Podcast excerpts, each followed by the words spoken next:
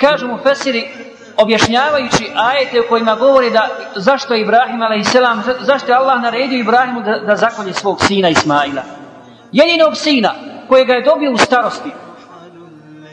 Pa je, jed, neki od Mufesira kažu zbog toga što je između Ibrahima a.s. i njegovog gospodara bilo šta?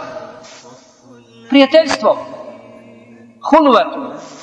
A to prijateljstvo zahtijeva da bude čisto, zahtijeva čistoću, da nema ništa, nema nikakve prepreke, da se u srcu ništa ne nastani, osim ljubav prema gospodaru svjetova.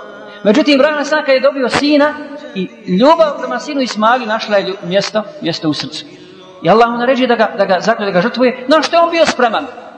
Pa kaže, zbog čega ga nije zaklao? Allah je što govori u suri Safat da kad ga je on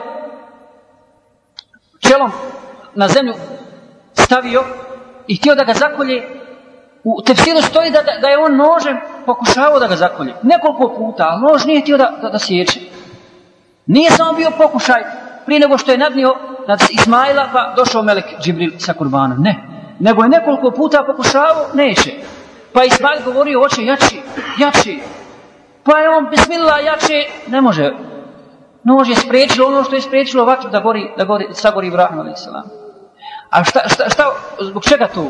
Zato učenjaci na osnovu ovoga kažu, kad su oni pokorili, to je teslim. Ovdje je pravo značenje Islama.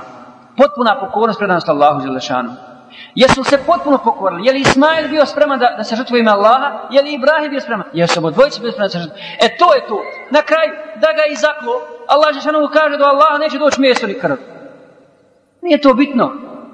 Šta su bitno mjesto krv? Lešno je gotovo, nemaju nego spremnost da se žrtvuju. A jesu bili odlučili da se žrtvuju? Da, da? Jesu. E tada Allah Želešanohu daje, daje izbor. Dakle, to je potpuna pokornost.